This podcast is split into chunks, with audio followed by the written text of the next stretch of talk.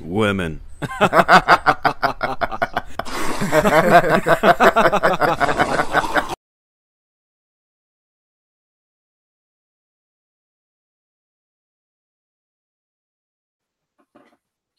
þá bara komið á upptöku og bara velkomin í, í kvöld og hérna það er því miður vantar, vantar konuna sem hefur verið með okkur hann að ég er alltaf að hérna þetta, þessi, þetta nafna og þættir um áttinu að vera kaltæni en því miður er hann að standa undir nafni en ég er að vinni að breyta það ég, ég lofa því. Er, ég, er, ég er farin að skammast mín hálfparti fyrir þetta því að ég svo segi þetta átt að vera grín sko.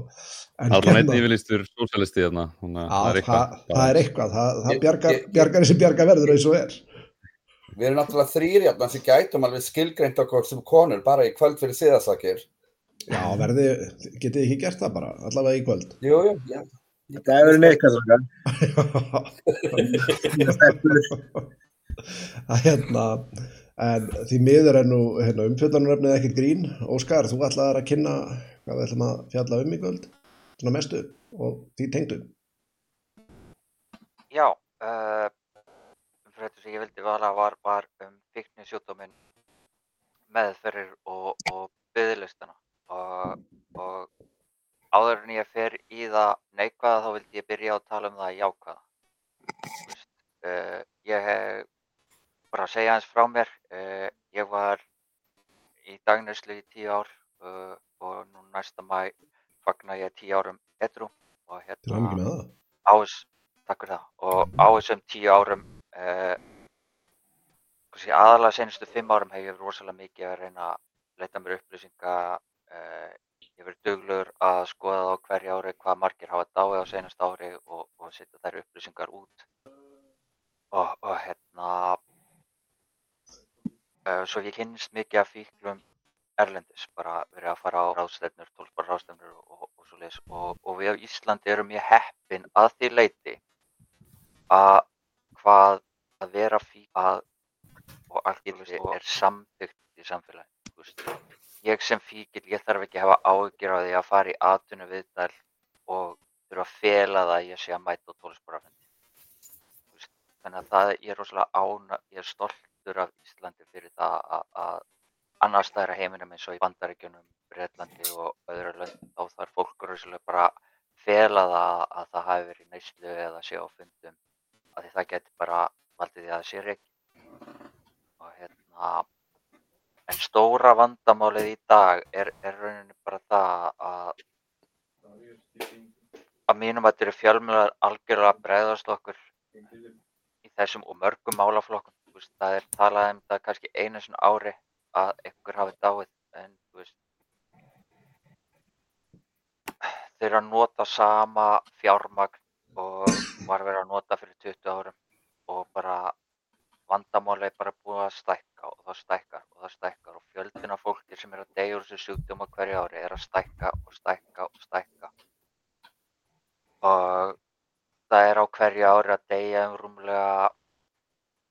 200-300 manns og þá er samlagt bæði úr ofstóru skamti og af sjálf, sjálfsmorð sem eru beintengt í að, að vera í nýst og, og hérna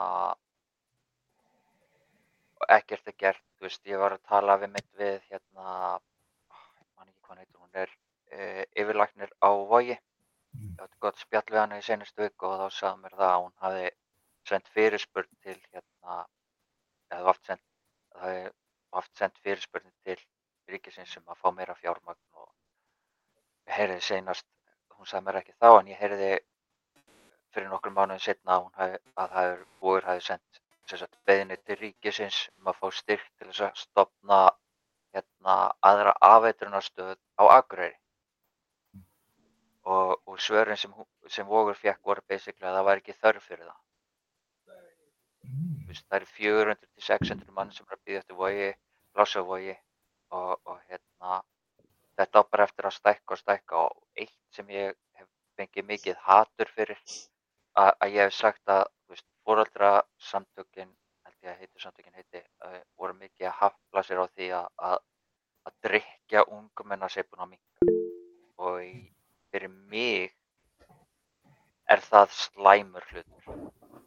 mjög slæmi hlutur að því að neysla ungmenna er ekki búin að minga.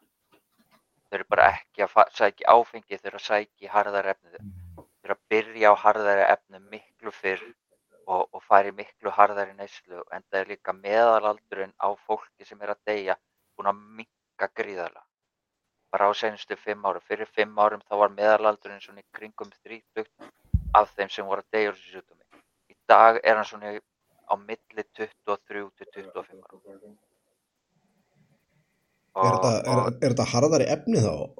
Bara yfir höfuð? Já, þegar þegar- þegar ung fólk er mikið að byrja bara á grasneyslu og, og fara svo út í þessi geðlif eins og Xanax og, og, og, hérna, hörðu, hérna, uh, painkillersinn. En, Xanax er mjög vinsalt meðal ungmenna í dag. Og svo er það náttúrulega fentanyl. Það er, það er bara að drepa fólk, sko, bara í, í háum tölum hérna ég er eitthvað ekki búinn að fara yfir tölunar síðan í fyrra en, en tölunar frá 23 voru já kringum 250 manns og 30% af þeim voru 18 ára og yngri Það er rosa. og, og, hérna alveg sem að hvað er talað um þetta ríki gerir ekki neitt veist, það eru byggðlistar út um allt og eina meðferðarstofnun eina meðferðarstofnun sem getur full manna sig er hérna hlaðgerðarkot það er bara út af því að þetta er kristilegu meðferð og út af að kirkjan er að styrkja þá á móti Samhjálp, já, samhjálp alveg. félagsamtök. Þa, það er eina ástæðan. Ef að þið voru bara á ríkinu þá getur þið ekki fullmanna sig. Þú veist, Krísuvík er ekki fullmannuð bara út af því að þið hafi ekki fjármagn fyrir það að- og að því að þeir vilja ekki hækka að því að þú veist, meðferðarstöðum gætu verið fullmannuð en þeir vilja ekki hækka það sem þeir eru að rukka fólk til þess að vera inn á meðferðarstöðum. Uh, Vík er heldur ekki fullmannuð, ekki alltaf það kemur fyrir að hún sé fullmannuð en, ekki alltaf. Vogur er ekki fullmannuð bara út af fjármagnsleysi og, og hérna það er, Krísuvík er ennþá uh, er í öðru sæti við besta meðferðastofnun í allri Evrópu. 70% af fólki sem klárar meðferðinu við þeim nær tveimur árum eða meira. Og það er bara mjög sjálfgefar tölur hjá meðferðastofnun og, og hérna þau báðum styrt að þið vildu byggja við sig til þess að stækka við sig og bara svona þurftu svolítið að endur nýja húsið það var svolítið gamalt og svolítið svo þeir fengu bara neitt Fellur þetta undir heilbreyðisraðanitið? Já. Við ætlum að nota raise hand kerfið bæði vegi ef að fyrir þá sem að vilja tjá sig. En hérna er ekki bara sorgleg staðreindi svo að fyrir utan örfáa stjórnmálamenn sem að hafa hérna sjálfur þurft að nota sér þetta kerfi, er þeim ekki bara drullu sama? Er það ekki bara sannleikurinn eða er, er einhver sem er að beita sér af einhver alvöru fyrir þessu eða? sem að einhver veit um það? Ef ég má svara þessu það er aðeins að, að, ég, það er aðeins einn ein, hérna stjórnmálaflokkur sem hefur talað mikið fyrir þessu varandi lögleðingu, afglapaðingu og það er pírátaflokkur og þeir fá alltaf bara mikið veist, hinnir flokkanir berja svo mikið á móti af því að þú veist, bara út frá fáfræði Þú Karlinn, þú þú áfyrir ekki að óskar Já, ég, ég veit ekki hvort þið sjáu þið það sem ég er að streyma. Ég er að reyna að streyma hérna, sjálfsmorðartíðni í Evrópu og við, við erum nokkuð á. Þarna 14 af 100.000 uh, og það eru örgulega mjög margar ástæðar fyrir þessu uh, en eins og þurfa að nefna er fólk að beita sér fyrir þessu? Nei. Það er bara eiginlega enginn inn á þingi sem að mér finnst allavega raunverulega að vera að beita sér fyrir þessu allavega í mikilvægastu atriðanum eins og Óskar nefnir að það hafa píratar talað fyrir uh, bæði lögleðingu, hafa lagt fram uh, frumvörp held í þrísvar um það uh, en, en tala líka fyrir, nei fyrir afglapaðingu segi ég, en, en tala fyrir lögleðingu líka sem ég held að sé nú eiginlega endanlega lausnin á þessu af því að þú veist þannig ertu að geta regluvætt efnin sem eru í umferð og þú ert líka að, að slá undan fótunum uh, glæpa hópunum sem eru að græða gríðarlega peninga náttúrulega á ólölu fíknefnunum, við getum betur fylgst með hvað hva fólk er að nota og svo framvegis, en það verður, það verður einfallega að sjá til þess að þú sért með helbriðstjónustu í bóði fyrir fólk sem þarf á hann að halda, það er náttúrulega nummer 1, 2 og 3 og eins og ég sé að þá eru þing, þingmenn og, og stjórnmálaflokkar eh, svona í umræðinu og þeir sem eru á þingi að langmestu leiti bara ekkert að leggja til að gera það sem að þyrft að gera til þess að raunverulega koma þessu í lag er ekki stór ástæða svolítið fyrir því uh, svolítið bara að, að, að þeir flokka sem er að miðin og eldri kjósendur til dæmis að eldri kjósendur halda sér raunin bara verið og, og eins og Óskar sagði það var svolítið svona fáfræði að þeir halda einfallega ef þú, ef þú hérna löglegir það að þá verði það eitthvað útbreytara er, er það ekki gríðarlega algeng afstæða? Óskar, þú Jú, næstur? það, það, það er það en, en það er ekki sérst í gögnunum það sem þau verið bróð Nei, ég, ég er sammálaður þessu sko, ég vil hérna afglæpa að þetta vegna þess að það er bara hérna, neysluskanta á svona, en sko hvort það sé ekki afstæða þeirra sem að, svona, eru svolítið eldri, Óskar? Já, þú veist, uh, líka betur það að það var gerð Gallup-könnun held ég 2000 og, Hugrún, já, eða 2020. þú ert að fara að busta og græja þig ástu mín. Til þjóðarinnar, hvort þeir voru hlýtt, hérna, löglæðingu eða afglæpavæðingu. 70% sagði já. Mm. Og, og hérna, og þú veist, ef þú bara lítur á afglæpavæðingu og löglæðingu bara út um allan heim, allstaðar sem það hefur gert, þá er ekkert nema jákvæmt gerst. Þú veist, glæpir hafa minkað, fátækt hefur minkað, heimilisleysi hefur minkað og, og, og, og fólk og, og það líka sem oft er ekki talað um þegar talað um þetta er að uh, ennarsaftökin sem ég er sjálf gerði út könnun á þessu það sem er líka hefur gerst í þessu löndum er að það hefur aukist að fólk verði hætti nótkun út að það er löglega Mm. út að það er trýta við á eins og manneskjur og, og hérna og þau séu ekki neitt einhver staðar út í hópa þau eru ekki neitt út í glæpi þau eru ekki neitt að gera hluti sem þau vill ekki gera bara til að fjármagna neysluna sína að, að þá eru þau mun fyrr til að sjá vandamálið og, og hérna leita sér hjálpar og hérna og, og það er líka rosalega miskilingur að fólk held, heldur að, að afglæpavæðing og, og lögleðing sé sami hlutur og, og bara til upplýsingar fyrir Hver þá er munurinn? Af, afglæpavæðingin er basically bara svo að þá er verið að, að, að afglæpavæða neysluskatta þess að þú mátt vera með ákveðið magn á þér og mátt nota það. Þú mátt bara ekki selja selja það, þú mátt ekki græða það þú mátt nota það og, og það er basically bara verið að verja notendur þannig að lögreglan geti þá farið eftir þeim sem eru að flytja það inn og, og, og, þurfi ekki endalaust að vera að díla við veikasta fólk. Það er rauninni afglaping og löglegin náttúrulega segir svolítið bara sér sjálft að þá í þeim löndu sem það hefur verið gert að þá hefur bara verið svolítið bara að ríkið hefur tekið bara skatt af því og, og opnað fyrir aðeins, á efnunum og, og, og hérna eins og til dæmis í, í hérna Sviss, mér finnst mjög fínt hvernig gerir þetta í Sviss er að það voru opnaðar sérstakar svona heilsugjæslur þess að þú gast bara komið, þú gast nota efnið og þú fegst bara þinn svona, svolítið svona félagsrákjafi að móraða þannig. Það var ekki verið að forsa þig neitt, það var bara að tala við þig, þú fórst í stutt viðtal, eh, er eitthvað sem vant, vantaði hjálp með húsnæði, vinnu, viltu komast í meðferð? Og þú veist, það var bara svona að tala við í hvers getur sem þú komst, hvort það var eitthvað sem, sem þið vantaði og var eitthvað að hjálpa einstaklingum og, og, og það eitt og sér á einu ári þá minguðu glæpir um 30%. Já, þetta er líka áfrikað.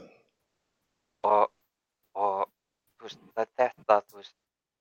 maður heyrir, þú veist, fólk tala um bara já þá hækka glæpir og maður bara spyrir það bara hvar færði þessar tölur um að glæpir hækka, þær eru ekki til. Þú veist, og það líka bara það sem ég veist, ég man til dæmis, veit ég hvort mér nætti það, ég, uh, apríli fyrra þá fór ég við að langa vingunum minni hjá Rúf. Þá var ég með spurður þessar spurninga hvort það væri hvort að læknar var í réttu eða röngu að, að gefa fíklum þessi lif uh, vitandi að þeir voru bara að nota það, þú veist, væri ekki að gera það í læknisfræði og eða hvað var, væri ethical að gera það og ég sagði að það væri ekki já eða nei spurning, það færi eftir hvernig það er gert. Því ég veit um lækna sem fá þetta leiðina til sér og bara skrifa á, á sem þeir vilja og bara til að losna við það og er eiginlega alveg samið það. En svo eru aðrir læknar sem eru ekki samum það og, og hérna reyna að hjálpa þeim, tala við og eigða tíma með þeim, bara er eitthvað sem get hjálpa þér, viltu komast í meðferð. Og, og það finnst mér ekki vera rámt og, og hérna, bara, ég veit ekki hvort ég sá það en, en það var gíktalæknir sem var sviftur læknisleifinu sínu um Mm. daginn út af því að hann var að skrifa morfinleif bara svo að fólk var ekki að deyja úr frákvörum. Takk. Björn, þú varst með hendur uppi, tókst hana niður viljandi eða? Já, ég sko, ég haf- hafði eiginlega bara meira spurning sem hann svona hálpati svaraði, hvernig, ég hef langaði að vita bara um hvernig, hver verður sölumæðurinn aðna, en, en það er kannski gott að vita, hvernig er það með lönd sem eru ekki sviss, hvernig er það búið að vera, þú veist, þetta er eitthvað skatta þessu ríki, segiru, þú veist, hver, hvar er þeir að nálgast þetta svona að jætnaði? Er þetta bara ríkis, ríki sem eru að selja þetta? Eða veita þetta? Þú veist, er þetta útrýma þá, þú veist, guðumarkaðinum? Óskar, ég held að þetta hafi verið spurning til þín og þú ert næstur þannig að... Já, uh, það er rosalega misjáft eftir löndum hvernig það er gert. Í, í hérna, ég tek til dæmis bara stærstu mörunir til dæmis eins og með Holland og hérna, þau eru náttúrulega það er fyrstu sem gerði þetta. Uh, þar uh, í rauninni bara, þetta er bara basically bara svona eins og hérna heima myndi sækjum innleifi að vera með á bar sækir bara um leifi til þess að mega selja eins og gras er, er það löglegt að, sækir basically bara um leifi að mega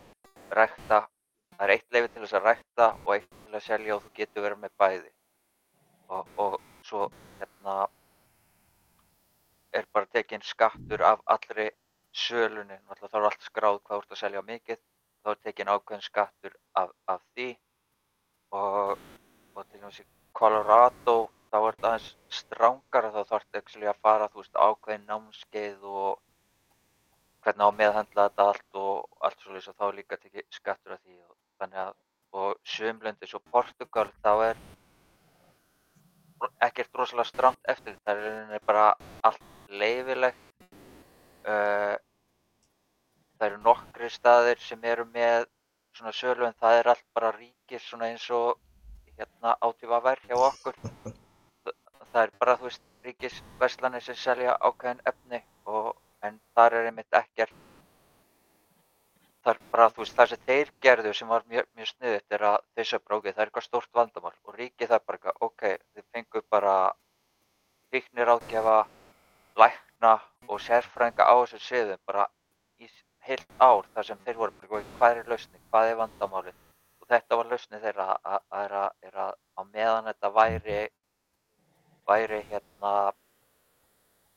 á svartamarkaðinum þá væri þetta svo sem er alltaf bara flesti get vita það bara allt sem er bannað er aðlegan um leið og þetta hætti að vera bannað og þetta var eða bara svona partur af samfélag, já, sumir nota og sumir ekki, þú veist, þá var þetta ekki eins enticing og annað annað líka sem fólk þarf að hafa í huga og, og ég mæla eindrið með að, að fólk kynni sér söguna er að öll efni sem hafa verið bönnuð ástæðan fyrir að þau voru bönnuð voru ekki út af því að efnin voru skadaleg eða neitt af því, það voru allt út af rasískum eða fordómafullum ástæðan Grasið var bannað í bandarækjunum út af því að svartir menn voru, svart, svart fólk var mikið að nota. Og það bannað út frá því. Uh, opium á fyrst þegar það var í bandarækjunum þá var mikið að bara konum, uh, svona mið, hérna, húsmaðurum sem var að nota. Svo fóru mikið að kínunverjum að flytja inn í landi og þeir fóru mikið að nota það. Þannig að til þess að geta að fordómskum ástæðum þá fóru að fór svo orðrómar að ganga bara ef við bönnum þetta ekki að þá eru þeir bara, bara að koma og nauðga konunniðinni og, og allt þetta. Og það var ástæðan óbíðan og öll efni sem hafa verið bönnuð hafa verið bönnuð á þessum ástæðan og allar þessar rannsóknir sem hafa verið gerðið varandi skadmengun í kringum 1960 og 1970 er búið að dýbonka allar þessar rannsóknir sérstaklega um græs Er ekki líka, er ekki líka hérna stór ástæða svo að það verið að keppa óttust samkeppnið tópaksíðina en mér minnir að það er eitthvað svoleiðis líka.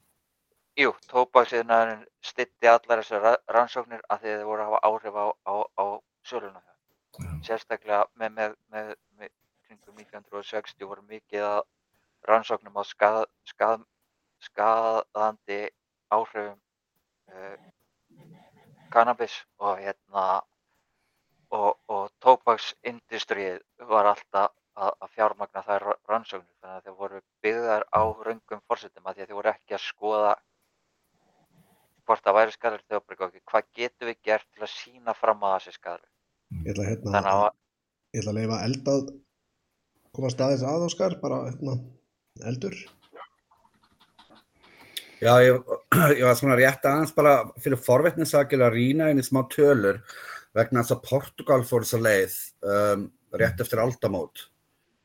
Um, og mér sýnist þar að, að í raun og veru þó að, að hérna, afglæpavæðing var gerð þar, þá jógst ne neyslan ekkert sem uh, gefur til, tilefni til þess að hafa einhverja óþarfa áhyggjur af afglæpavæðingu en hins vegar þá fækkaði döðsföllum til muna um, vegna neyslu um, livja og ofbeldisglæpum uh, fækkaði. Þannig að með það sem ég sé þú veist, þá, þá er allavega þarna tölur sem er svona gefið til kynna að, að þetta er eitthvað sem kannski væri hort að skoða allavega, skilur ég Var ekki ástandi líka mjög slæmt í Portugal, var ekki bara faraldur þar? það var mjög, það var mjög, mjög slæmt. En, en það var til dæmis vola fróðlegt að sjá hvaða, hvernig, hvernig Noregur myndi díla við afklæpavæðingu vegna þess að Noregur er nú, eða Oslo hefur nú verið lengi hérna höfuborg heroinfíkla uh, í Evrópu þannig að, að, að hérna, það var fróðlegt að sjá hvernig, hvernig svona verkefni myndi vera leist í Noregi Karliðin? Já, mér langar aðeins að stand, uh, standa upp fyrir ríkisverslun, ég er sósælistinn hérna uh, og það kemur nokkuð skýrt fram í gögnunum að, að þú veist, uh, þeir eru með þetta í, í ríkisverslunum og það er bannað að hleypa markaðanum að stað og þá er minni neysla, þetta er ekki eins aðgengilegt uh, og, og einmitt ekki verið að auglýsa þetta af því að það er ekki svona hagnaðardrifin krafa hjá markaðanum að, að fá meiri neyslu Uh, en þarf áfengiskatturinn að vera svona hár? Nei, ekki endilega, það held ég ekki. En, en það er farið ímsa leiðir að, að þú veist, í bandarækjanum þá er þetta á markasvætt, þá, þá eru kannabisverslanir sem fara bara að stað og það er verið einmitt að auglýsa kannabisið, þú veist, það, Mm. þetta er bara hvaða leið viljum við fara. Uh, og svo með svartamarkaðin að, að, sko, ef þú myndir, þú veist, ef að heilsugjastlan færi að selja heroinnið, segjum, að uh, lík, það er alveg líklega eitthvað eftir af svarta markaðinum en þú veist, ef, ef það er aðgengilegt heroin á skikkanlegu verði og þú veist að það er reynd að uh, þá, þá lí, þú ert líklega að fara að taka út svona 90% af svarta markaðinum ef, ef þetta er gert skikkanlega í, ímyndaði mér sko. og, og líka þetta er mikilvæg punktur um, um kannabisið og hempið líka er inn í þessu að þarna voru líka svona markaðsöflað verki eh, ekki góð markasöfl heldur svona einu, einúkunaröfl sem að vildu koma í veg fyrir að það geti ykkur samkettnisæðili risi gegn þeim. Eh, að það voru eh, papírs eh, menn sem voru framlega papír sem, að, sem voru að fjármagna mikið af áróður, áróðurunum og líka rannsóknirna sem voru gerða til að sína fram að skaðsemi kannabis e- eitt gott dæmi og frækt dæmi er að, að vísindamenn tóku simpansa og þeir sett á hann svona öndunagrímu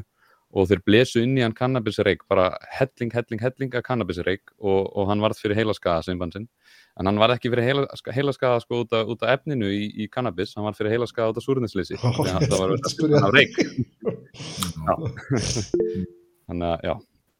En ég hérna, vil taka það skýrt fram, við líðum ekkert slæmt tala um tóparsfyrirtæki þessum þetta, en það styrtir að Malboró, nei.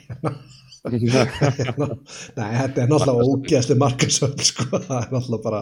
þetta er eitt af svífurilega sem, sem til er, sko, það er hérna í, í bandaríkjum, minni svolítið á, hérna, Livía eina en bara núna sem að er, hérna, er að kaupa 70-80% af öllum auglýsingum á öllum sjóastöðum í bandaríkjum bara sem dæmi. Bókstara heldur stöðunum á floti. Það er ekkert skrítið að það sé ekkert endilega að fara að taka, tala neitt íla um það Livjaðinaðurinn á fjölmiðlana. Já, ég meina, þú veist, þegar þú ert að kaupa 70-80% auglýsingunar þá er náttúrulega segið sér sjálft að það er enginn að fara að segja að það er að hoppa upp í raskætti að það er að fara að tala ílöfu, um sko. Mm. og geymum mikið herrgagna framleiðendum þeir eiga mjög mikið í fjölmiðlunum líka. Það minn ekki ekki í rannsóknir. Óskar, þú varst búin að koma með hendur upp. Já, hérna, líka ö- annar ég vil koma að matbarkað, það var hérna í 1970 var gerð rannsókn sem hérna varandi skaðsemi heroins og það voru þetta er mjög fræg rannsókn þar sem voru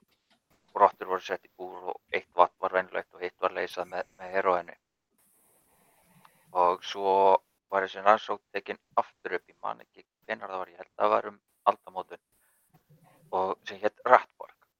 og það sem þeir gerðu öðru sig, það var alveg eins, það var eitt vatn venjulegt og eitt með heroin, en það sem þeir gerðu öðru sig er að þeir settu fullt af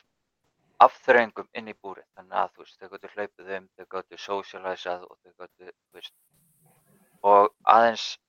þú veist, fyrir rannsóknin þá var 90% af rottum sem fóru í heroinni. Í nýju rannsóknin þá var bara 10% af rottum sem fóru í heroinni. Og þessi þessi rannsókn, uh, hérna,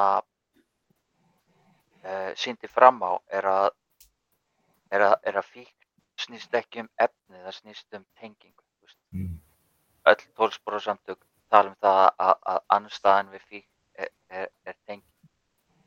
Og, og, og það er líka eitthvað sem við þurfum að skoða. Af hverju er svona mikið að því að það er búið að aukast og aukast. það var, veist, ég er búin að vera tíu ár í 12% og það var alveg reyr þegar maður sá fólk og fólk var komið, já ég byrjaði að nota 13-14 ára. þú veist. Það var ekki algjört. Í dag er það bara mjög algjört að bara mikið af fólki sem ég sé að koma inn, kannski um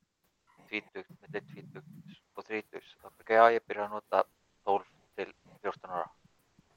og það er eitthvað sem við þurfum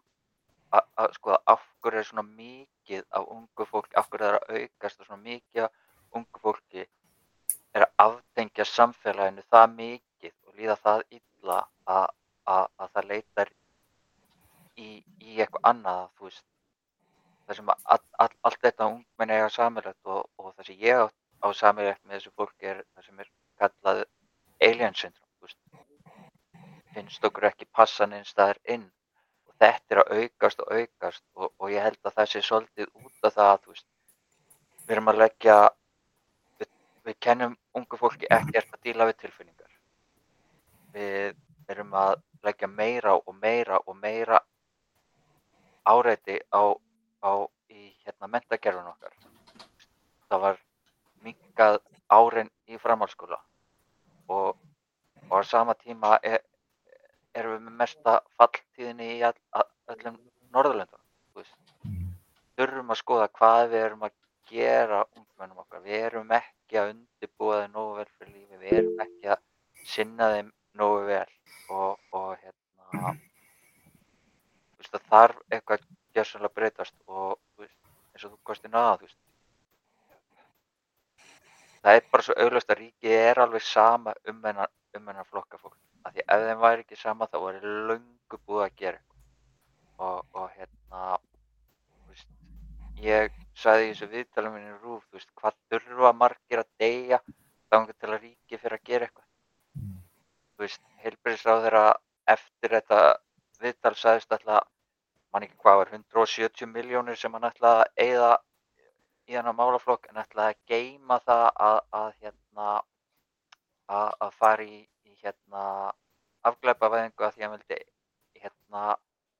einbleina á skadamingun og úrræði en átt að sig ekki á því að afglæpavæðing er ábyggla stærsta skadamingun og úrræði sem til er í heiminum í dag. Mm. Páll, Já, ég, ég var nú í 14 ára á barna og unga getild sem er enda ríkistofnun og eh, það er mjög ánægða. En það, það sem kemur inn á þarna, það er náttúrulega eitthvað sem ég kannast mjög vel við og ég var að vinna þarna frá 89 til 2004 og e, það, það sem var ábyrjandi þegar fólk vissi ekki hvað, fyrsta lagi byrjaði allt á því að það var verið að finna blórabögla. Og oftar en einu sinni og oftar en tíu sinnum á úlíkgeitildinni voru úlíkar að kikna undan því að byrja ábyrð á að hjónabandið var að fara, hjá fóröldunar var að fara nú í vaskin, skilur við. En það sagði engin neitt. Ég man eftir einu tilfelli þar sem 14 ára stúlka var lögum og gætil, menn þess að pappina hjælt fram hjá mömmunar. Skilur við. Það, það, það er ekki hægt að lýsa því hvað maður sér á svona stöðum. Það er svo mikið svona scapegoating, það er verið að finna blórabökla og ég held að á þessum árum hafa verið laðu grunnir af því sem við höfum svo talað um áður að þú veist ekki fyrir hvað stendur þú vaknar beita ef þú heldur sér kona eða kamendýr skilur, að bara alltaf að losta undan þessari pressu að þú eru alltaf að vera að svara fyrir eitthvað sem að er í raun og verið ekki þér að kenna. Og að því þú minnist á þetta ég veit ekki hvað gamallóskar en, en ég var þarna með, með úlinga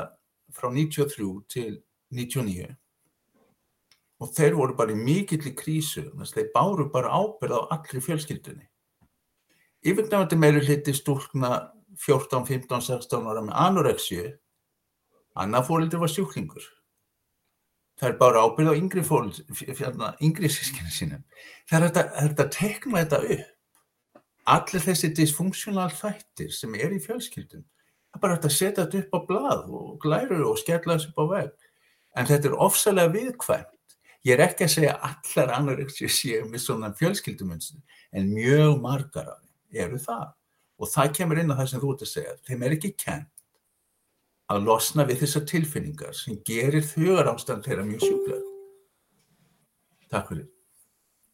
Já, vel satt. Páll, eldur. Já, sko, það er ímislegt inn í þessu. Uh, ég veit ekki hvort að þið sáu það um daginn að það kom að frétta einslag á rúf um, og það var að tala við einn lækni uh, þar sem Ísland alveg skarar fram úr sko í, í að skrifa upp á SSRI mm. liv um, fyrir krakka og sérstaklega drengi og, og, og, við, og við erum alveg sko heimsmett hafa líka í að skrifa upp á ADHD liv uh, við erum náttúrulega ekki það barnalega við höldum það ekki að eitthvað að sem livjum er náttúrulega beint að fara á svarta livjadópsmarkaðin það, mm -hmm. veist, það bara liggur í augum uppi. En það er eitthvað að valda því að, að börn og úlingar hafa aldrei verið eins vansæl í skólunum eins og núna já, síðasta, síðasta áratug og, og íslenski drengir eru mjög illa lesnir geta ekki lesið sér til gags og ef þeir eru með þessa típisku arsla, þú veist, vera, vera arslapelgir þá eru þeir dópaði niður í staðan fyrir að, að, að, að þeir séu kvartir í að fá útrás fyrir auka orguð sína, skilur við. Þannig að ég, þetta er alltaf bara theory hjá mér, en ég held að þetta sé svona ingangurinn í, í þú veist, vanlíðan sem, sem leiðir til mm. neyslu og það er kannski þarna sem við þurfum líka að fara að grýpa inn í um, mun fyrr og hugsa upp á nýtt sko hvernig við ætlum að meðhandla uh, drengi í, í mentakerfinu sérstaklega kannski. Jörn Já, það er rosalega góð punktur og ég er að pæla hérna með, þú veist að tala um hérna Óskar að hvað er 170 miljónum í einmitt að, að berjast gegn þessu og, og geima þess aðferð sem að tala um. Þetta sé rosalega, ég held að aldrei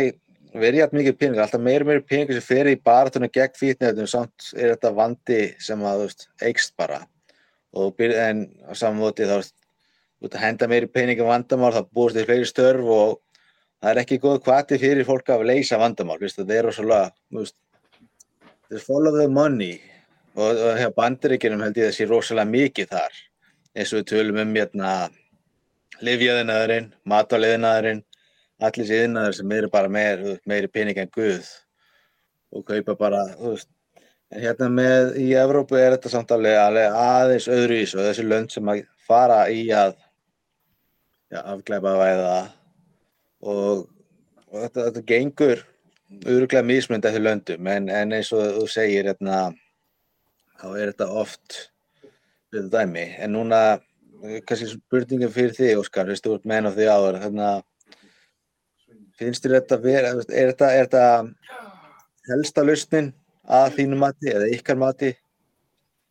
Er eitthvað annað sem að gæti virkað eða er að virka?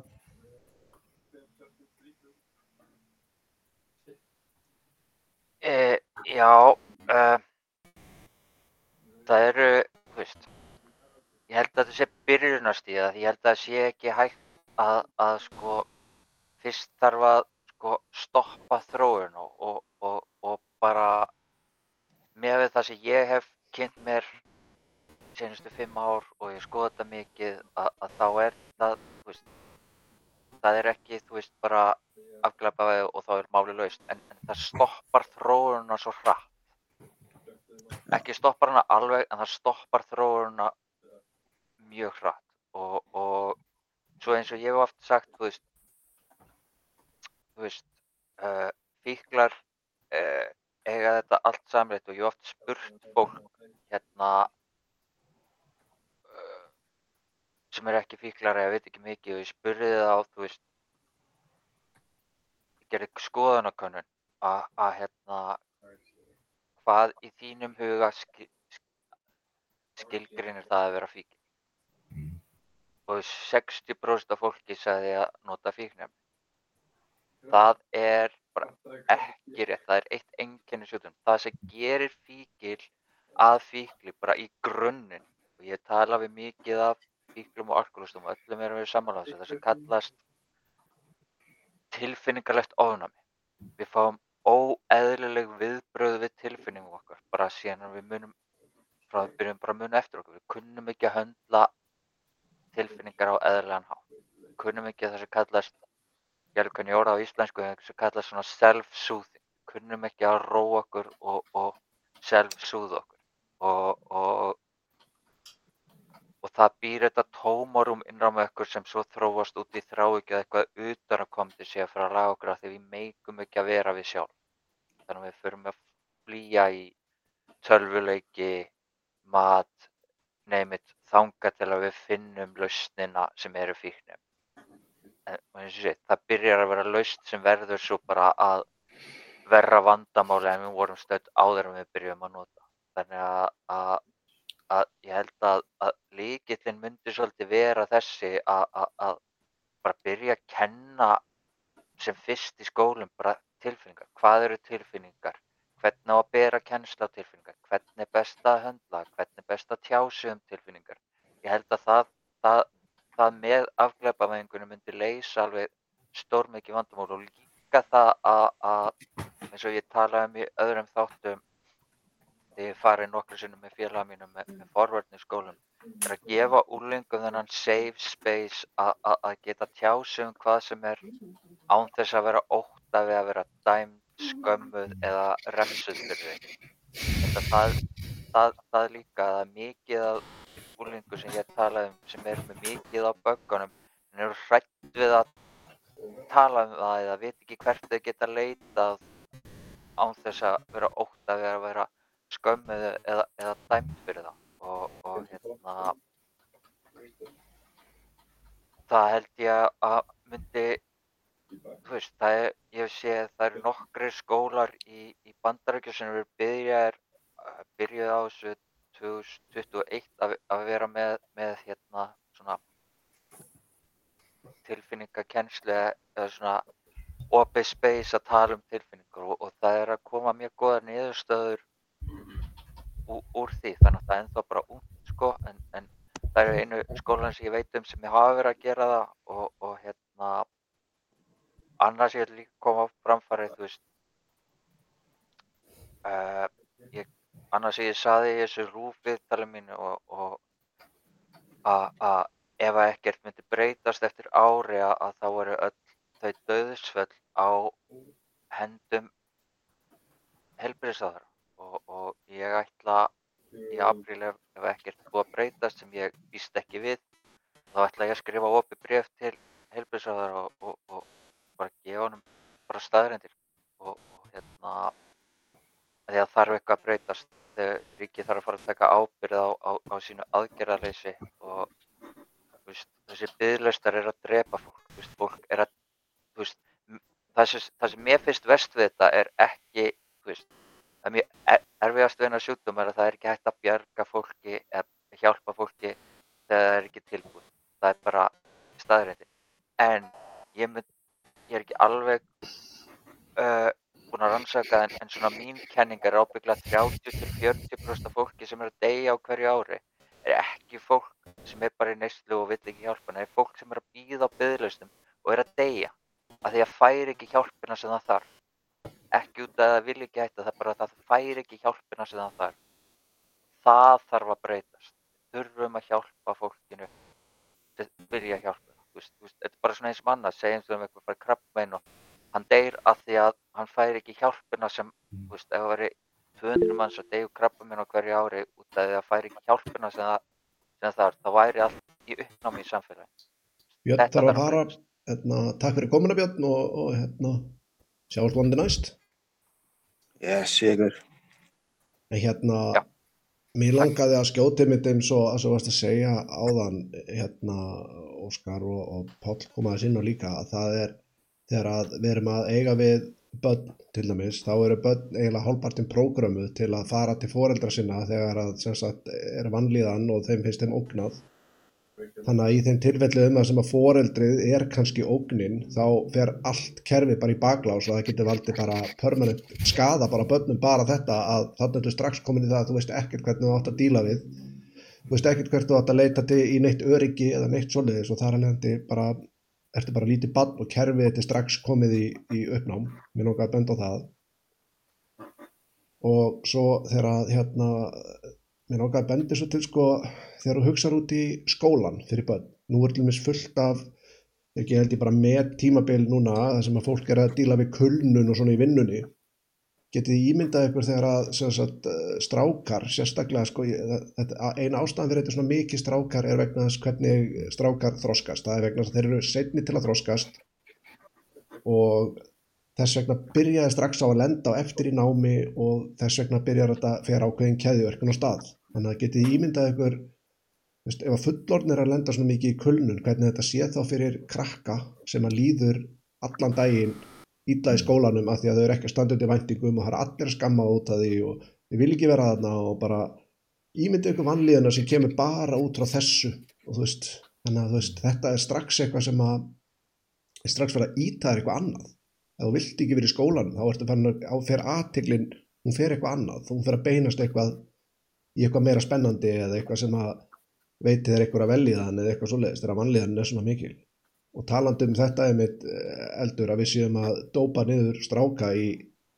í met hérna fjölda bara, ég, ég veit ekki ég veit ekki hvort að bandaríkjum fara fram úr okkur. Nei. en ég, nei, ég Það er hérna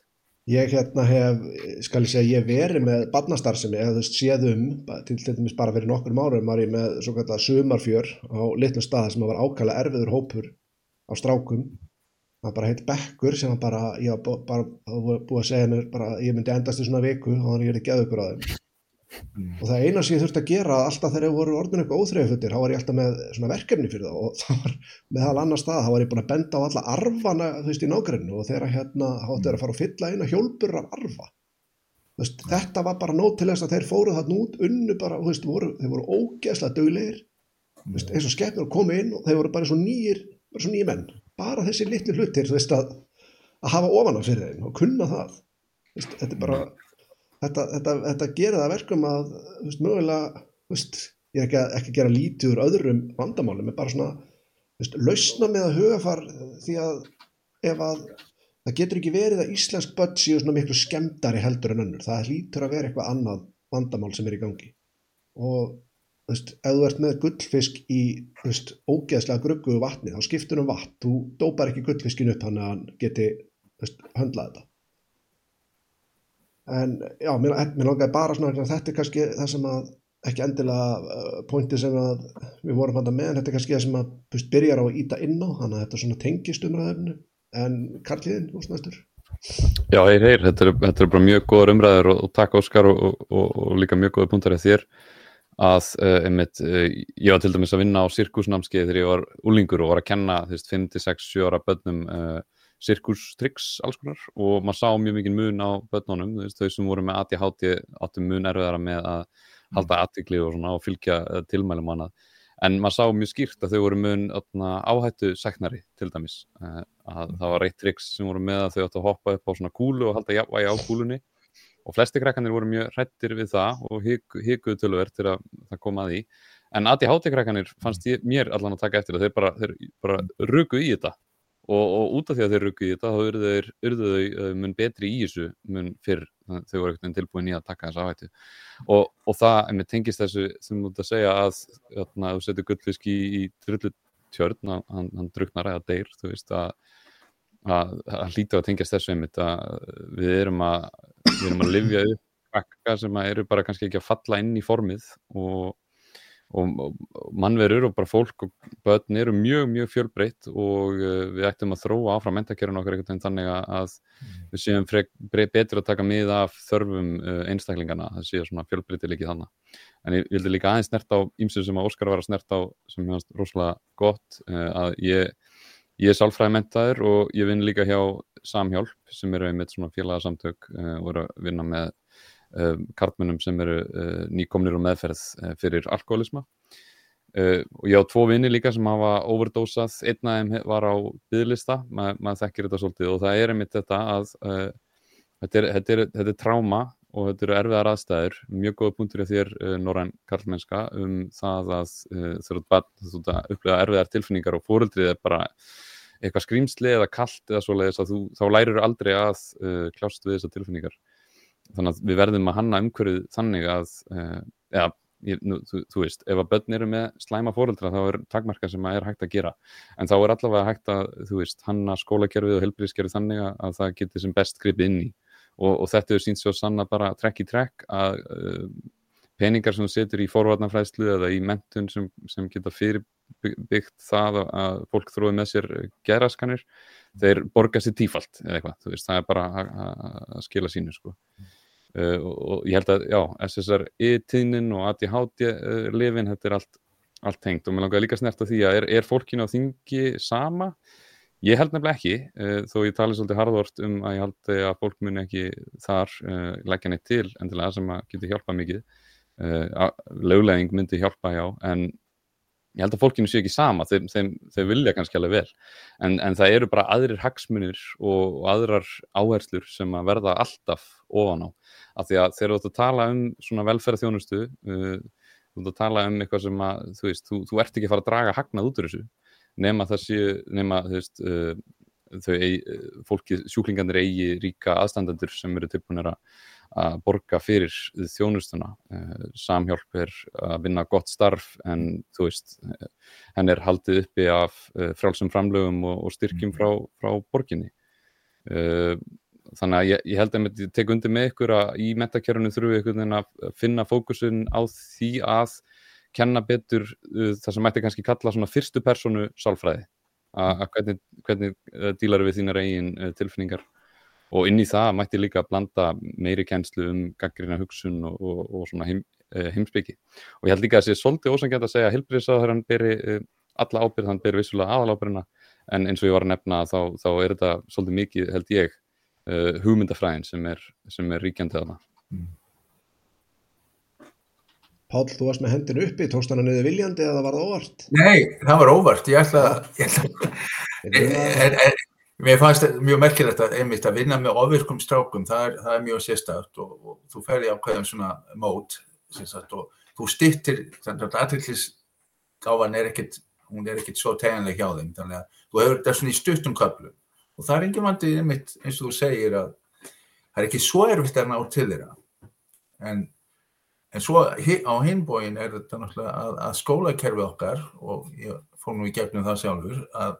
það er náttúrulega gert fyrir stelpur. Ég var bara svo heppin að vera ekki ofvirkur þannig að ég svona slapp fyrir horn. En það er mjög erfitt fyrir ofvirka einstaklinga, sérstaklega stráka á þessum aldri, svo vestnar það fyrir stelpur, ofvirka stelpur og ónýsarum þá byrja þær að lendi við sinni en á, á svolítið, annan hátt. En, en þetta með sko undirliggjandi þætti sem Óskar var að tala um sem ég finnst þetta mjög merkilegt. Rannsóknarefni í raun og veru að, að mjög margir sem fara til dæmis upp á VOG fá þessa greiningu, þú ert með PTSD eða áfalla streitur öskun sem er gott og gilt en þá þarf að fara inn í alla fjölskyldu söguna koma staði hvað gerðist og það er nefnilega hægur að sagt en gert og,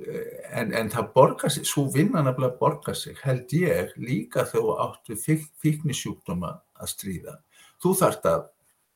þú þarft að svíkja aðlila í fjölskyldinni. Að við ekki að fjölskyldinni var ekki fullkomin og það þessi brást þarna og ég tók á mig hlutverk pappa eða mömmu og þess að fór þetta allt út og söður. Þannig að þetta er mjög viðkvæmt mál en það er ekki, það er ekki svo erfitt að fara í gegnum það. Takk fyrir. Já, þetta er, þetta er mjög góðu punktur og mér langar að skjóta því að að ég tók hérna, ég er, tók viðtal, hann er komin í opna dagskrá og það er þáttur sem heitir eru fangar líka fólk Mm. sem að er uh, maður sem búin að, hérna, báðir búin að sitja í fangelsi og, og hérna tala um þetta og þeir eru með tala um hvaða kostar, veist, hvaða myndi kosta samfélag að hafa þá í virkri neyslu á götunni eru bara hérna smámunir í samband, veist, hvaða myndi kosta að veist, aðstofa fólk. En hérna, herra, augnablik, uh, Óskar, taktu við, ég þarf aðeins að, hvað er aðstu mín? Já, uh, ég er líka,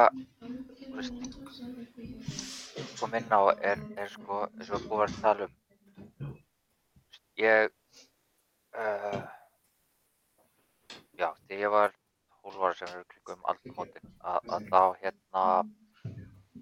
var ég settur á rítalín þegar ég var ofirkur og hérna bara ég er æfinlega þakkláttur föðu mínum, hann, hann tók mig að því eftir mánuða því hann líka ekki hversu sljóri var og, og hérna, ég veit um marga samaldra mína sem voru höggursvipa og voru ekki voru bara mjög illa úr, því og, og það er eins og máli er, að- er, að, er að þú veist er allir settir einhvern veginn inn í sama kassan og sem er allt sem eru sko allt eins og búka minn og allt mentagerfið er, er aðlað að, að, að konum og, og hvernig þú byggir upp stráka og hvernig þú byggir upp konur er bara ekki eins. Þú veist, kallmenn þurfa að fá hérna þú veist að byggja þú upp með að gefa þeim verkefni til þess að klára þú veist, lítil til að byrja með þú veist, að þeir hafa að, þessi ábyrðatilfinning sem er bara svolítið svona innbyggð inn í alla kallmenn að hérna á meðan konur byggir þá upp með sjálfströsti og sjálfsverðingu og svoleiðis. Ekki það þurfi ekki líka með, með, með stráka en það er meira mikilvægara með, með konur en, en það er með, stráka. Og, og annar líka kannski ótendi sem ég vildi líka koma inn á að, að þegar ég var í neyslu þá seldi ég fíknefni bara til þess að hérna, fjármögna mína neyslu. Og fólk óvart alltaf talar um að sprautufíklar séu bara það versta að versta og þeir séu svo hættulegir ég seldi eiginlega bara allt og ekkert og, og það fólk sem ég þurfti aldrei að hafa áhyggjur á og var vinsalasta fólkið og, og ég þurfti aldrei að hafa áhyggjur að þeir ráðast á mig eða, eða, eða, eða reynda að stela mér voru sprautufíklar og stónarar. Sprautufíklar voru bara kurtista, almennlegasta fólk sem ég hef kynst í, í neyslu þegar ég var að selja. Þau vildi bara fá efni sitt, komið vel fram og, og hérna og, og, og fólki sem ég þurfti alltaf að áhyggjur af voru þeir sem voru að kaupa hérna veist, amfetamin, kokain og það, þú veist, þú voru upptens og, hérna svo steiktir í hausnum af, af neyslunni og, hérna og, sérstaklega með, með grasið sem ég seldi lengst, þú veist mikið af þessu fólki vildi alls ekki vera á svörtu markaði og, og, og kaupa mér efnum, þú veist, einhverjum glæpamanni, sko.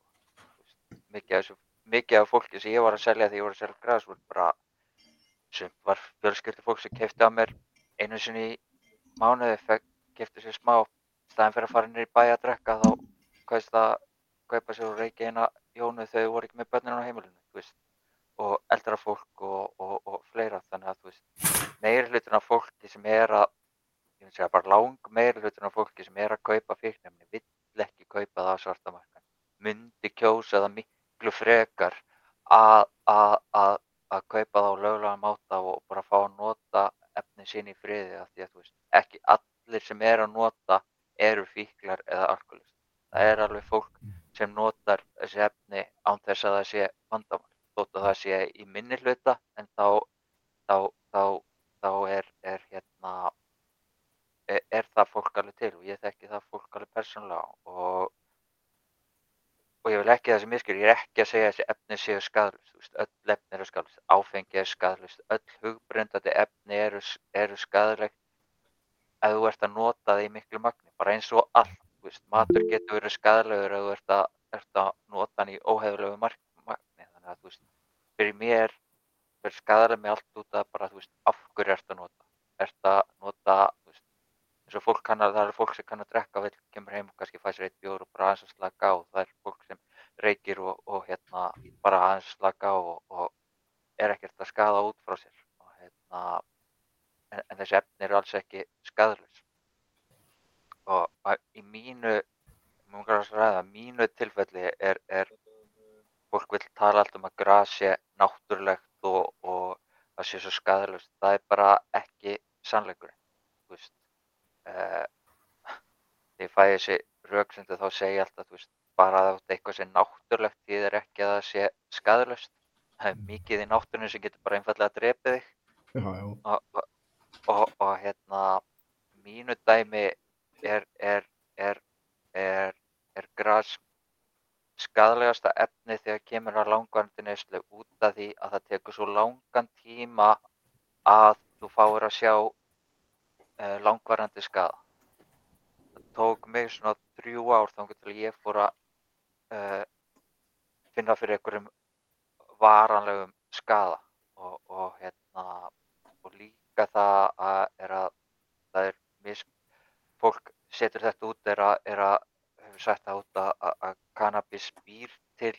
hérna geðsögtuma, það er ekki staðnum það, það sem það gerir er að þú ert með undirleggjandi geðsögtuma sem eru ekki virkir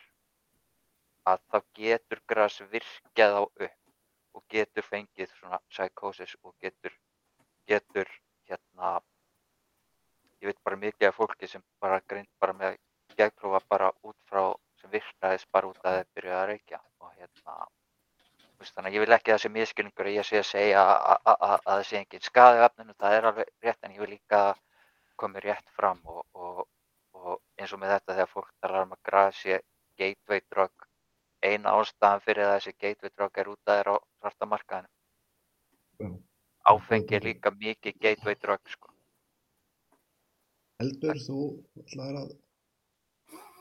með hendunum fyrir? Já, mér langar svona, að ræða hugsalega lausnir, ég meina hvað, hvað verður svona ideal scenario um, hvernig myndum við vilja sjá til dæmis uh, þess, já, afglæpavæðingu eða controlled eða þú veist, hérna uh, neyslu stjórnun eða, eða aðgangsstýringu eða, eða uh, þess aftar, sko erum við að fara í gegnum livsæðlakerfið, erum við að fara, þú veist, er, myndum við að fara að opna verslanir, þú veist, fíknefna verslanir ríkisins eða, eða, eða, eða, því er líkt, þú veist, hvað væri, þú veist, drauma lausnin að þínu mati, Óskar? Ég var líka til í að skjóta því að Óskar mótt svara því þá kannski bara í leiðinu eða, eða Karl Líðin líka. Erum við með nóga starfsfólki sem gæti sint, þú veist, ef, ef það er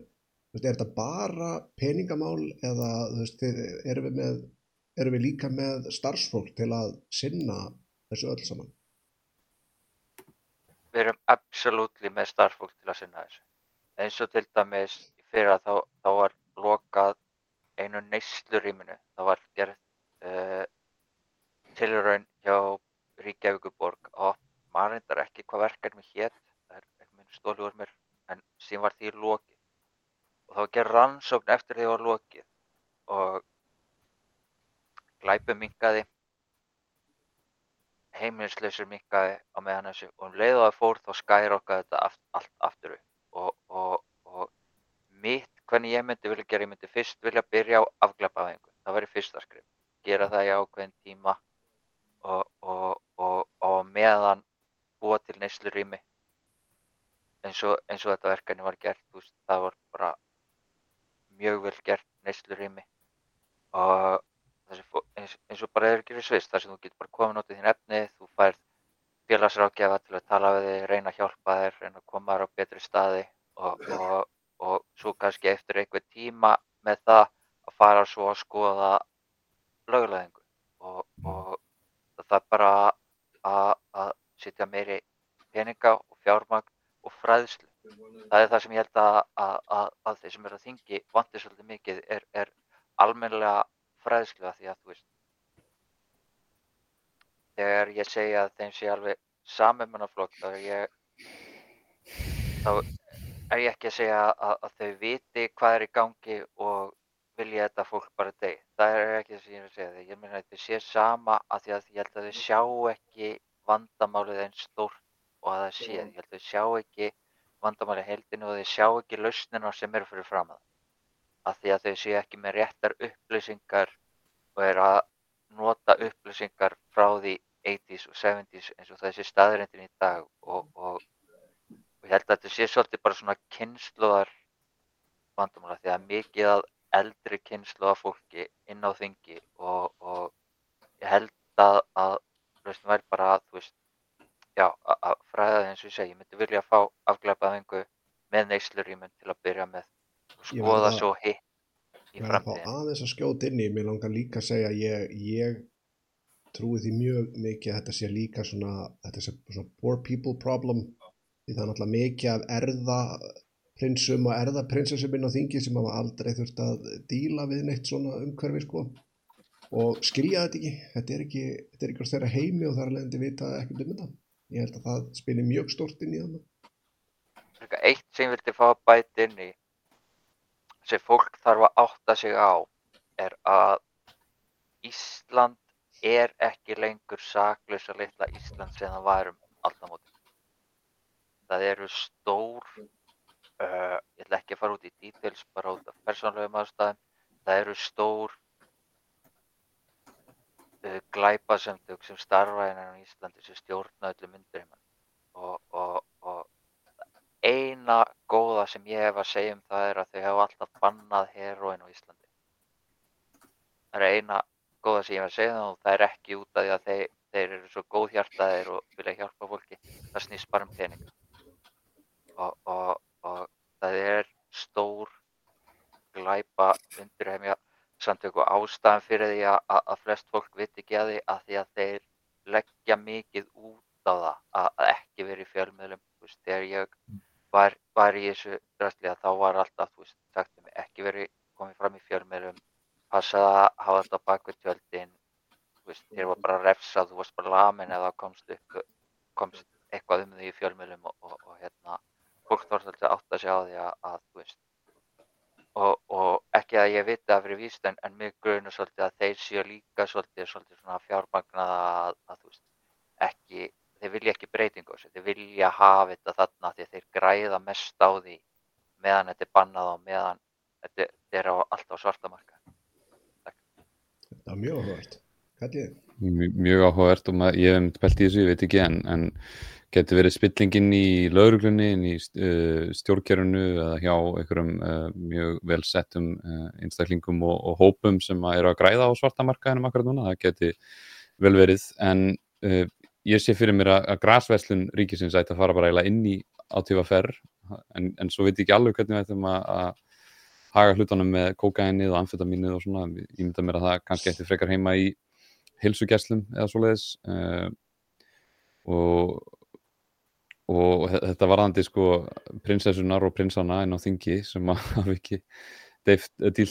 sett hendina í kallt vatn sko, að, að forréttinda blinda er bara einfallega mjög, mjög uh, raunveruleg. Og á Íslandi eins og þú segir að við erum búin að fá inn 70.000 uh, innflytjendur frá öðrum löndum sem er að koma inn hérna aðalega í lálinastörf þannig að það, það er komin miklu stærri undirstjett á Íslandi og það, það kom ný rannsókn út frá OECD um daginn sem síndi fram á það síndi okkur það að barnafátækt á Íslandi er búin að aukast mest uh, af öllum OECD-löndunum uh, á eftir Makedóníu mm. og það er mikilvægt í þessu að, að, að hvort ætlar að fjárfesta í því að laga skadan þegar hann er skeður eða ætlar að fjárfesta í því að, að fyrirbyggja að skadin verður að þið voru að tala um hversu margir er að vinna í þessu að ég veit það allavega að um 30% af vinnumarkaðinum á Íslandi er í umönnunarstörfum mm. öllum um, umönnunarstörfum. Eh, er náttúrulega gamla fólkið og, og svo framvegis uh, fallaðir og öryrkjar. En uh, þetta er mjög hátt hlutfall af fólki sem er bara í umsjón uh, um, um önnun Þannig að ég held að við verðum að einbita á að uh, setja upp kerfið þannig að við séum að fyrirbyggja sem mest uh, frekar en að vera alltaf að, að kljást við vandan þegar hann er komin og, og einn annar punktur er að, að ég held að svona austræn, austræn speki geti haft margt að kenna okkur hérna í akkurat þessu máli að, að því að þú horfir á þú veist stríði gegn fíknefnum þú veist stríði gegn fíknefnum þú ætlar að stoppa uh, glæpagengin og, og þú ætlar að beita hörðu valdi gegn því Uh, fíknefnalaust Ísland sagði, sagði framstændaflokkurinn þetta hefur náttúrulega bara ekki gengið eftir og svona, það er í austræðinu spekinni að einmitt eins og þú voru að nefna ef þú, ef þú skrifur á veggin, ekki pissa á veggin þá fær fólk kannski að pissa bara á veggin og, eh, og, og, en ef þú, ef þú opnar þetta meira eins, eins og við höfum séð líka í Portugal að þú bara opnar þetta, lætur þetta vera, ert ekki endilega að tala um þetta þess vegna er ég mjög líka hlindur uh, ríkisregst uh, sölu á þessum efnum það má ekki auglýsa þau og svo framvegis að þá getur mögulega neyslan uh, uh, mingað. Já, þetta, þetta er heldur góð punktur með að hérna, ef þú skrifar hann á veggin því að bara svona, uh, mér náttúrulega skjóta því að, hérna, að þegar að vinahópurinn minn fór á þjóðhatti fyrir mörgum, mörgum ára síðan og þá, þá var eitt svo smeykur að menni mýja á tjaldi hjá hann og, og strákarnir sagðist að heldur betur að hafa retta því og það var ekki fyrir hann að koma aftur úr brekkunni sem að sá að þeir eru skrifa please ekki mýja á tjaldi og tegna skotskífu og ég held að það hefur verið enginn sem lappaði fram hjá sem eiga ekki tjaldi hjá honum. Ói barst Það verður kallað á það. Það er eitthvað svona, já, skjóta að, að hérna, ég veit til dæmis ég, það var lögleg sala þegar ég fór til Belgiu á hérna, rock festival. Þá var bara svona einn lítil búð sem var bara inn á svæðinu sem að seldi græs, það, það var löglegt þar Háttíðin héttur þetta Grasspop en það er ekki út af þessu, það er til nafniðan og tilvílinu, hún er, hún er komið, það er komið annar stað frá og það er ekki út af neyslu eða neitt svoleiði saman. En, en það var í fyrsta og eina skiptið sem ég hef prófað eitthvað annað en áfengi, þá prófaði ég að, að gera þetta og hlusta á korn á meðan, það var nokkið sérstaklega leðilegt. En Pál? Já, er gott sem að Karl var að tala um þetta með baráttuna gegn fíknefnum og það fást tölurveri peningar í baróttinu gegn fíknefnum og þá erum við að tala um sagt, lög, löggefan, það er að segja lögrökluna og, og í barótti gegn hverju? Undir heimunum. Það er ástæði fyrir við köllum undir heimanu undir heima. Þegar þeir eru ekki ínáanlegir. Það, það, það þýðir ekkert að vera að tala um þess að baráttu við, við undir heiman. Um hvað erum við að tala? Það gengur ekki neitt þess vegna fór heimurinn undir neðanjarðar, þess vegna fór það langa því það er ekki ínámanlegt þannig að þetta er bara svona í raun og verum svo augljóst ef við fyrir að pæla í þessu og eina, eina sem að hægt er að ef við ætlum að vinna undir heimana þá er einmitt að afglæpa í væða og löglega þessi myndu fíknæmi. Ég held að það Portugali skýrast að dæmi um að þetta svíni virkar. Því Portugali er tiltölulega lítiland, við genum að hvaða 10-11 miljónir og það finnst mér að vera dálítið svona eitthvað sem við ættum að læra af. Við ættum að vera í samstarfi við Portugali um, um, um hvernig sé best að gera þetta. Takk. Mér langar að hérna, skjóta því að, að hérna, ég veit ekki hvernig staðin er á þessu hérna á, á spáni því að uh, ég fæ rosalega villandi svörum það þegar ég spil meira að segja heimamenn því að sko samkvæmt þessu er það þannig að heimamenn eru aldrei ángraðir eða þeir eru að reykja á almannafæri Mm. en útlendingum er sagt að gera það ekki mm. bara, þannig að ég veit ekki ég veit ekki eins og alveg hvernig statusin er, er á því en, en mér langar að skjóta einni spurningu til elds áður ég hleypi Óskar að væri til dæmis, væri það ekki hálfpartinn pólitíst sjálfsmór fyrir eins og já, kjósendur, hvað við segja, ég veit ekki með flokk fólksins en kjósendur sjálfstæðis, nei, frambjóðundur sjálfstæðis og, og miðflokks að ætla að skella sér út í eitthvað svoleiðis, svona bara upp á svona kjósendahópin að gera, að ætla að tala fyrir þessu bara einfallega eh, svona, hvað maður að segja, íhaldsemi, ég, end- ég nota íhaldsemi ekkert endilega sem eitthvað slæmt orð alltaf sko, þó það geti verið það, alveg svo hitt geti verið það líka. Já, bara það, það er náttúrulega í, það fyrir eftir hvernig þú ætlar að skilgrana íhald, ég meina íhald er að halda í á, ákveðnar hluti sem virka og, og, og, og, og, og hérna ég get ekki séð að, að, að, að það ætti ekki að vera í lægi að stopna til umræðu um eitthvað sem hefur ekki virkað. Það er augljóst að það hefur ekki verið að virka. Þannig að, að, að hérna, ég gæti ekki séð annað en að sjálfstæðismenn og framsóknarmenn og miðflokksmenn og, og flokku fólksins, ég menna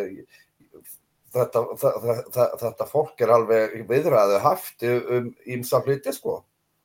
Já, algjörlega, algjörlega, ég, ba ég bara meira kannski svona að þetta eru... En máli, en, er skoðanir, það, til dæmis, til dæmis sko, það er náttúrulega ekkert, það er ekkert hægt að segja, já, nei, við, við, ætlum, að, ætla, við ætlum að styðja af, af, afglæpavæðingu, en svo ekki vera með neina löst tilbúna, skilur við. Þú veist, þá ertu bara að tala út í loftið, vegna þess að afglæpavæðing, hún getur þýtt svo mikið, þú veist, hvað, hvað viljum við gera og í hvernig, í hvernig ramma erum við að fara að sitja þetta, Hva- hvaða meðferða úrræði erum við að fara að bæta, þú veist, veg- vegna þess að þetta, þetta er svo stór keðja sem þarf að laga, keðjan er brotin á mörgum stöðum, það er nefnilega málið. Punktur, svaraði þessu bara mjög vel og eins og segi, ég, ég er einn, einn af þeim sem að ég nota í að vera íhaldsamar ekkert endilega sem eitthvað slæmt, það getur verið og það getur verið gott á mörgum sviðum, þannig að en Óskar, Já, uh, við ætlum að hafa þetta svona 20 myndri viðbútt, bæði við. mér líka þetta voru drög sem mér finnst hérna sem náttúrulega bara virkar ekki. Og ég hef kynnst ég á góða vini inn í lögreglunni sem ég bara kynnst út af mínu starfi, ég byrja að hafa samband við lögreglunni og fá upplýsingar og, og tala við þá og allir sem ég hef talað við, bæði almenni lögreglumenn og þeir sem eru í, er í, er í fíknidildinni hata það að, að díla við fíkla. Þeir vilja fá bara afglæpa veðingu, þeir sjá ekki tilgang í því að vera þetta fólk, þeir sjá þetta sé bara veikt, þeir vilja hjálpa þessu fólki en þeir geta ekki, þeir verður náttúrulega bara að fylgja reglum og lögum sem þeim er sett og, og, og hérna, þeim finnst alveg bara þessu einn sagði bara það stundu sem bara ég hann sagði mig hans nokkur sem ég bara, bara heima á vaktinu og bara gráti bara út að ég þurfti að handa eitthvað og setja í klefa sem átti ekki heima sem átti heima inn á meðferð eða inn á geðdild og, og hérna og líka war on drugs þú veist, eins og ég talaði um áðan þú veist, það byrjaði bara út frá rasískum hérna uh, upplýsingum af því að in the 60s þegar hérna uh, mannrétta baróta svarta byrjaði að byggja þá fór þetta war on drugs til þess að fara á eftir svörtum og til þess að fara á eftir, eftir, eftir þessu sem voru að berjast fyrir jafnréttindum svertingin. Það er ástæðan fyrir því að, að War on Drugs byrjaði og, og, og ég hef alltaf verið þeirri skoðun að öll stefna alveg sem að hver hún er, ef hún byggist á slæmum grunni þá er hún aldrei að fara að virka. Það er líka ágætt að skjóta, skjóta þig að í, í fíknefnastriðinu, það er ekki til eitt einasta fíknefnalist fangelsi í heiminum, þannig að það er, veist, ef þú getur ekki stoppað þér í fangelsi, hvernig alltaf að stoppa þér inn í, inn í landi, það, það er bara, og það er ekki vegna þess að öryggiskeslan sé ekki góð, það er vegna þess að þetta er ekki hægt að stoppa þetta.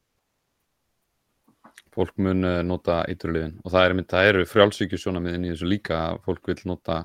þetta og hitt og, og, og bara starrendin er svo að það er að nota þetta og hitt og það mun nota uh, þetta og hitt. Uh, en, en þið voru að tala um veist, flokk fólksins og, og fleiri að akkur taka ekki á þessu núna og ég, það, er, það er margt sem þetta er að tala um þar uh,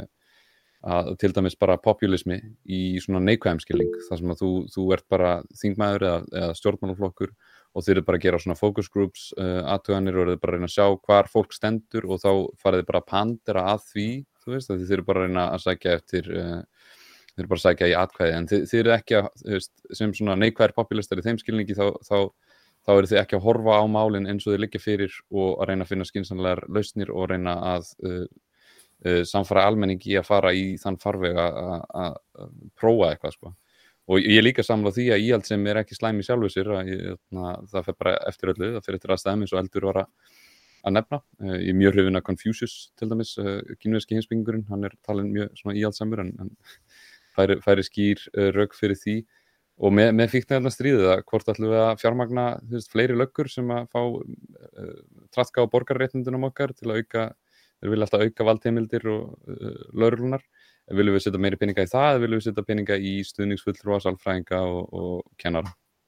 Og viljum við, og viljum við gera vanda fíkla uh, dýbri þú veist, ætlum við endilega að fara að henda þeim í fangelsi og, og, og eða peningu í gegnum dómskerfið fyrir að, að, að dæma þá fyrir sko, eitthvað smávægileg hérna,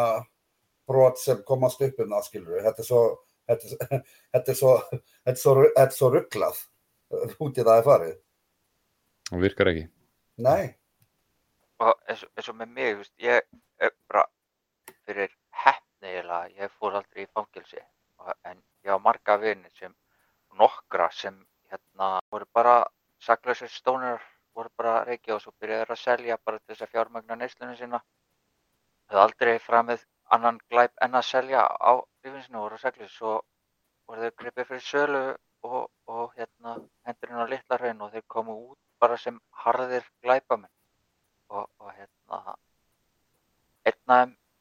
eitthvað en, en tveim af þeim eru bara ennþá nútið og eru bara, ég, ég sé ekki fram að þeir með nokkuð tíma. Ef við má skjóta inn einmitt að, að bandaríkin eru vítið til varnaðar að því að einmitt eins og þú segir að, að það var svona rassískur undirtótt sem að allir uh, stríðinu gegn kvíknefnum að þarna var, þú veist, réttinda bara til svartra og, og, og fríðarhefingin gegn uh, Vietnamstríðinu, and heimsvalda sinnu svona hreyfing og, og fólk var þar mikið að reykja græs og Nixon ríkistjóðin, hún svona notar svolítið þessi, þessi fíknefni til að reyna, til að handaka bara alls konar uh, alls konar fólk sem var í þessari baratu. Já, al algjörlega og, og hérna, segi, já, ég er alveg samanlega það þarf að opna fleiri fleiri hérna meðferðurri og, og þá finnst mér líka, annars ég vil tala um þetta, þá finnst mér að ríkið þurfa að opna fyrir það, af því eins og er í dag þá móti ekki opna meðferðar nema að vera á ríkispinnan. Þarf að taka eitthvað frá ríkinu og svara undir ríkinu, þú mátt ekki opna enga rekna meðfarastofu og, og þess vegna finnst mér svolítið astnalett að þeir gera það ekki sama við, við hérna, áfallaheimin. Það getur hvers hvaða hálfleiti sem er opnað hérna, áfangaheimili eins og til dæmis betra líf sem er ekki áfangaheimili fyrir fimmur. Þetta er geimslustæður fyrir fíkla og, og það er engin eftirfylgni eftir því, það er enga reglur þegar kemur að áfangaheimilum draumasetrið er eins, það er mjög fáið sem ná að haldast ytru þar inni. Og, og það finnst mér líka svolítið þurfa að breytast er að herðaðins reglunar eins og það eru her, herta reglur um meðfarúr eða þá þurfa að vera herðari reglur um meðfarheimilega því að veist hversu oft hefur verið loka betri líf þegar þurft að flytja þá var eldur í fyrra hvaða margir dáið þar inni og samt fær hann ennþá að hafa hérna áfangaheimili sem ég finnst bara algjör störlun og ég ætla að segja það bara að veist, ég tekki hann Arnar til smá, ekki persónlega neitt svo leiðis, en veist, hann er ekki slæmur maður og hann vil gera gott en hann er bara of meðverkur og kann, það eru reglur, hann bara hefur það ekki í sér að henda fólki út og, og viðhalda reglunum og það er ástæðan fyrir öllum þessu vandamálum sem er að gerast á þinn og, og hérna, þess vegna þarf að vera hertari reglur varðandi áfangaheimilega því að ástandið sem var fyrra með betra líf og hvað búið að loka mörgum betra lífum og þeir opna nýtt og veist, þetta er bara ræðilegt á alla staði. Það lítur líka að vera skjálfur þetta val eins og um há vetur að þurfa annarkvært að lefa mönnum að brjóta reglur eða henda þeim út í, í mandrápskulda. Þetta er ekki öfinsvert að þurfa að standa fram með fyrir því vali held ég. Þetta er hryllilegt, við langarum að skjóta aðeins inn um þetta í, í bandarækjanum, þú varst að tala um þessi fangelsi, það, það eru engareikin fangelsi, það býr til svolítið annarlega kvata e, í kerfinu og það er mikil áhersla lögð á, á refsingar frekar en að bæta fólk e, og við sjáum afleiðingarnir eru bara sangkvæmt þeirri stefnu. E, og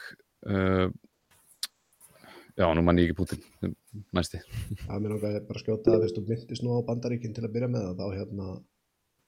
að þessi engaröfnu fangelsi eru sko, það, ég hef skoðað það, það verið lekið út að eh, bæði mjög hátt settir þingmenn og annað, fylgistjórar og, og slíki menn hafi lofað því að koma fleiri mönnum inn í fangelsi vegna þess að það fyrir fram svo mikil framleiðsla ja. sem að grefur undan alls konar atvinnurekstri og þetta er reynir bara nútíma þrælakerfi, þannig að bandaríkin eru ég veit það ekki, ég, að, ég veit ekki um neitt, neinu leiti sem er að taka bandaríkin til fyrirvindar. Þeir eru með miklu fleiri svona þræla einmitt en, en Sovjetríkin voru með nokkuð tíman. Það er áhugaverð staðrind. Já, eins og ég, ég, ég hef alltaf sagt, veist, eh, alltaf verið á móti engaregnum fangils. Það er, bara, það er aldrei að fara að virka. A, a, en en engaregin meðferð er ekki það sama, þú veist, eins og döguturist bara í bandaríkjum. Það eru margar engaregnar meðferðir í bandaríkjum sem er bara mjög góða tölur og standa sig rosalega vel og, sumum aðeim standa sig betur en, en ríkisregnu meðferðunar og, og hérna ég held að það er e, allt annað því það er engin jú, þær eru dýrari að þú ert að borga meiri pening til þess að komast inn í þær meðferður og, og allt það en en en, en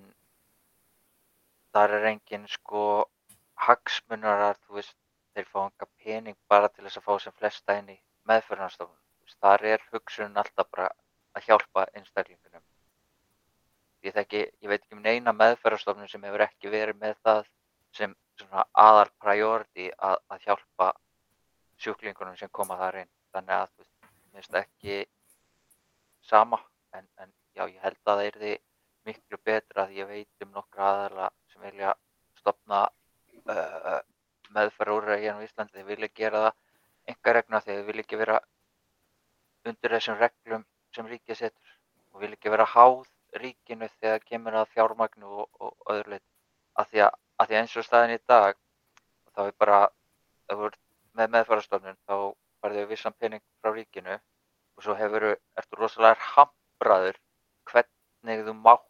fjármagna restina fyrir reksturinn mátt bara ekki gera hvað sem er til þess að fjármagna og það hamprar svolítið meðferðarúröðunum í dag hvernig þeir fjármagna restina eins og vogur einu úröðu sem þeir eru með er að, er að þú getur verið meðlumurinn í S.A.A. og borgað mánalega til að hjálpa að, að styrkja við, við úröðin sem þau bjóða. Þannig að þú veist, það þarf líka að breytast að auðvelda meðferðarúröðum að fjármagna sig og, og, og, og opna svolítið bara markaðin held ég, er þið bara gott þurftum að hafa eitthvað meiri áhyggjur af uh, nú langar bara að spyrja ykkur alla veist ekki ekkert eftirlega óskar. Þurftum að hafa meiri áhyggjur af einhverjum engaregnum stöðum upp á að starfsfólk við hæfi er þið valið því að þannig er þetta náttúrulega að díla við fólk sem er í gríðarlega svona vulnerable stöðum stöðu og upp á engin misnótkun annan en stað. Er það eitthvað stór, meiri á þetta í engarekna geranum heldur en hinnum? Ég myndi segja um engarekna geran að ég er skil hvaðan Óskar er að koma með, með það, þú veist, uh, sérstaklega sko að fagfólks í greinunum fái að haga hlutunum eins og þau sínist. En fyrir mér þá verður þetta mjög hættulegt þegar, þegar þetta er orðið enga rekið og það má draga út hagnað. Uh, enga skólar á Íslandi eru reknir þannig að það má ekki taka út hagnað þannig að þetta er eiginlega bara óhagnadrifið enga framtak þar sem að kennarar og, og fagfólk vera mm. að haga þessu eins og það vil. Ég, ég er alfarið sjálfur á móti uh, blöndun uh, velferðarkerfana að öllu leiti að því að það bara, það er svolítið landmála að fara út í það en það dregur undan gæði almanna kerfana. Að því að þeir eru átt að tala um um fíkla, það er engin framleiðsla að fara hana fram, það er e, engin virðisaukning fyrir uh, sko mm. bein heldur ertu að þú ert að hjálpa fólki sem er náttúrulega líklega mest verðmæta í heimi en, en þú fær ekki peninga út úr þessu. Þannig að hvernig ætlar að fá aukna peninga út úr mm. þessu, þú talaði um að uh, Óskar, að, þú veist, ef þú- opnar markaðin að hver, hverjir eru þá að koma inn, það er, það er bara fjárfestar. Og fjárfestar koma bara inn ef að þeir sjá sér hag í því að að fjárfesta og vilja fá pening tilbaka en, en það getur líka, já, jú, komið aðilar sem vilja styrkja bara og það, það er alltaf vel þegið, en þá myndi ég alfærið vilja hafa það allt saman algjörlega óhagnaðar drifið. heldur Þarna ég er næstuði alveg hinum einn og ósamála sko vegna þess að ég er mjög hrifin af hérna blönduðu kerfi og ég tel ymmit að, að með hérna blönduðu kerfi þá veitir það ymmit ríkis um, ríkis batteríinu aðhald og, og, og svona uh, gæti líka bætt gæði ríkiskerfisins vegna þess að ef, ef, ef við erum að sjá miklu betri gæði og nýjungar og nýjus, ný, betri tækjabúnað hjá enga geiranum þá náttúrulega verður ríkið að gyrða sér brók og bæta, bæta, bæta sína þjónustu líka. Uh, þar að auki þá hérna uh, hefur blanda kerfi góð áhrif á byðlista hjá ríkisbatteríinu þannig að ef fólk sem getur borgað fyrir að fara í aðgerðir og þess að þá getur það farið á engastofur og þar að, leiðandi stitt byðlista hjá ríkiskerfinu. Þannig að ég er, ég er alveg hinum einn þarna þegar, hvað þetta verðar og ég held líka og til mig vera nokkuð svona samferðan um það að, að gæði starfsfólks á, hjá engareiknum stofum er, er líka, þú veist, top notch vegna þess að það er engin enga aðili í rekstri, hvort sem að, já, sérstaklega ef hann er hagnaðatrifin sem er að að ráða til sín einhverja vitlýsingar sem hérna eðalega fyrir uh, fyrirtækinu rekstra grundullin. Þannig að ég er mjög ósamlega, kalliðin, um, en já, ég er alveg hinn um einn þarna. Svara sem bara snögglega einmitt að, að já, þú veist, en ef, ef þú ert með þetta blandaða kerfi þar sem það eru, uh, það er enga geiri sem að, uh, bara ríka fólkið hefur aðgangi, aðgengi að, að þá ertu alltaf að toga fólk uh, úr uh, almenna kerfinu sem hefur hæfileika inn í Já, einkakerfi. já, sko, og, og, og, og þú býr til ákveðna stjættaskiptingu þarna og, Já, og líka að sko, stýttir er- byggðlistina kannski eitthvað að ykkur leiti en, en þú veist, ofinbært kerfi hefur svona, það fær ekki það sum, sama sem gæti mögulega gerst á frjálsum markaði að það verður svona aukin uh, hagkvæmni og samkeppni og þannig að ég held að það, það gerist bara ekki í ofinbæru kerfi þegar það, er, að- það keppir ekki, það er, veist, það er engir öðna, fjárfestar eða hluthafar að reyna að pressa á e, þá til þess að, keppa við e, eitthvað engaríki kerfi. Og ofta eins og við sjáum einhverjum heilsugjastlum hérna heima þær geta búið kannski ó, uh, ódýrari uh, aðgerðir og svona uh, en það er bara á þeim rekstra grundöldi að þau til dæmis sjá ekki um gjörgæslu. Af því að gjörgæsla er bara er það, það, er- það, og, og eitt það- aðrið sem ég taka fram í viðbót er að, að aðalritari saminuð þjóðana, hann Ban Ki-moon, fyrirverandi aðalritari saminuð þjóðana, hann, hann sagði það að Kúpa væri með eitt besta helbriðiskerfi í heimi. Og þetta er mjög fátækt land, það er algjörlega umkring bandarækjumennum, það er valla eiga neinum viðskiptum við umheiminn en samt sem aður setja þau bara þá áherslu á helbriðiskerfið að uh, læknar eru gríðarlega vel mentaðir þeir fá ókeifismentun uh, og en þeir gera samninga móti við uh, yfirvöld um það að þeir muni starfa fyrir uh, ofinbyrju kerfin í ykkur 15 ár eftir að hafa fengið kennsluna og, og kúpaði með mun fleiri lækna per, þú veist, 100.000 manns en, en við erum með og eru bara framhúsgarandi, bygguð til sitt eigið bóluefni fyrir við COVID til dæmis. Þannig að það- já, Kúpa er er- ég- báti hvað þetta var þar Já, ég hef ekkert kynnt með neitt sérstaklega helbriðskerfi á Kúbu en ég dreg það ekkert í efa að, að það sé, sé hérna slæmt eða gott sko. það er svona eiginlega einstæmi heiminum en, að en, kemur, en það kemur að þessi, um, þessari umræði í sambandi við, við skjættaskiptingu og að búa til hóp sem getur ekki sótt hérna uh, enga geran þetta, það, það er einföld lausn í raun og verið til, til, til í þessu. Núna hef ég sjálfur verið hérna í gegnum bara mi- minn störf. Það hef ég fengið sem fríðindi frá mínu vinnuveitenda hérna enga helbriðstryggingu sem hefur gert að verkum að, að ég hef ekki þurft að býða í fleiri, fleiri vikur og mánuði eftir skurð, skurðaðgerðum. Þú veist, ég þurft að fara á aðgerði hérna á ökla eftir ljótt öklabrótt, ég þurft að býða í viku, þannig að, þannig að, að vinnuveitandi minn slapp við það að ég myndi vera hérna frá vinnu í tvo mánuði veikur og get ekki lappa skilur og, og, og, og ekki mætti vinnuna þannig að ég komst í uh, vikuna eftir og var frá vinnu í tvær vikur í staðan fyrir, að vera frá vinnu kannski 2-3 mánuði Mhm. þannig að, að þetta er til dæmis að taka inn í kjærasamninga er þetta þetta er samningsatrið við fyrirtæki þú veist, hérna, við, við viljum að, að, starfsfólk, að starfsfólki okkar fái hérna, enga heilbriðstryggingu svo það hefur hérna, betra og, og veist, þú ert að lýsa bandaríkjanum, sant? Ha, Þú ert að lýsa bandaríkjanum og Já, bandaríkjan eða við, þetta- sko, frá, þetta, frá ríkinu þetta er svona í Breitlandi líka sko, og, og, þetta, og þetta er alveg til hérna í Skandinavíu líka Og þetta virkar ekki vel. Um, Er, er hérna er, er þetta ekki frekar í rauninni högg á almennakerfið frekar en rós á engakerfið eða hvað? Er svona, af hverju segir þetta högg ég, ég meina þetta er náttúrulega högg á almenna kerfi að, að, að, að veikt. byggðlastöfnir séu svona langir en með því að hafa þetta blandaða kerfi þá er þetta að létta álægið á byggðlastöfnum í almenna kerfinu og það er með til hagspóta fyrir það sem kannski hafa ekki efni á að, að, að fá engarekna þjónustu eða sem eru ekki með tryggingar til þess að dekka kostnaði engarekna þjónustu. í bandaríkjanum deyja 20.000 á ári út af því að fá ekki helbriðstjónustu og uh, ríkið er að borga meira inn í helbriðskerfið ásamt því að fólk þarf að borga meira sjálft uh, annarkvort fyrir tryggingu sjálft eða fá tryggingu frá Já, en, einn, einn af stóru ókostunum við þetta kerfi er að þjónustan verður öll dýrari að því að tryggingarna borga já, það. þetta virkar mjög vel í Sviss. Sviss er mjög framalega með, með, með, með, með sína helbriðsjónustu og hún er öll meira að minna engareikin og gegnum engatryggingar. Ópenbæra tryggingar geta virkað eins betur og, en sérst, og sérstaklega þegar kerfin eru óhagnaðadrifin. En er Sviss ekki líka sér á báti hvað varðar það að þeir eru þekkti fyrir að vera ríkala einal með hluti eins og skipulagninga á hlutum og, og, og, og þar þurfi allt að virka vel sem sagt. og eru með mjög háþróaða innviði og svo framvegis. Já, ég, ég, veist, ég var ekkit að móti þessu ef það var að tryggja svona hluti eins og, eins og einmitt að, veist, ef þú ættir aðeins meiri pening að þá, mér finnst þú ekki, mér finnst þetta að vera bransi þar sem að þú átt ekkit endur að fá að hlaupa fram með röðina. En, veist, ég er, ég er með blendna tilfinningar, ég, ég þekkit ekki nú mikið sjálfur til þess að, til þess að hérna, geta röggrætt um neitt nema hvað mér finnst um það. Uh, Páll, þú veist, við ætlum að fara hérna spurningum að við förum bara svona nokkur neginn loka orðin hjá okkur öllum að Já.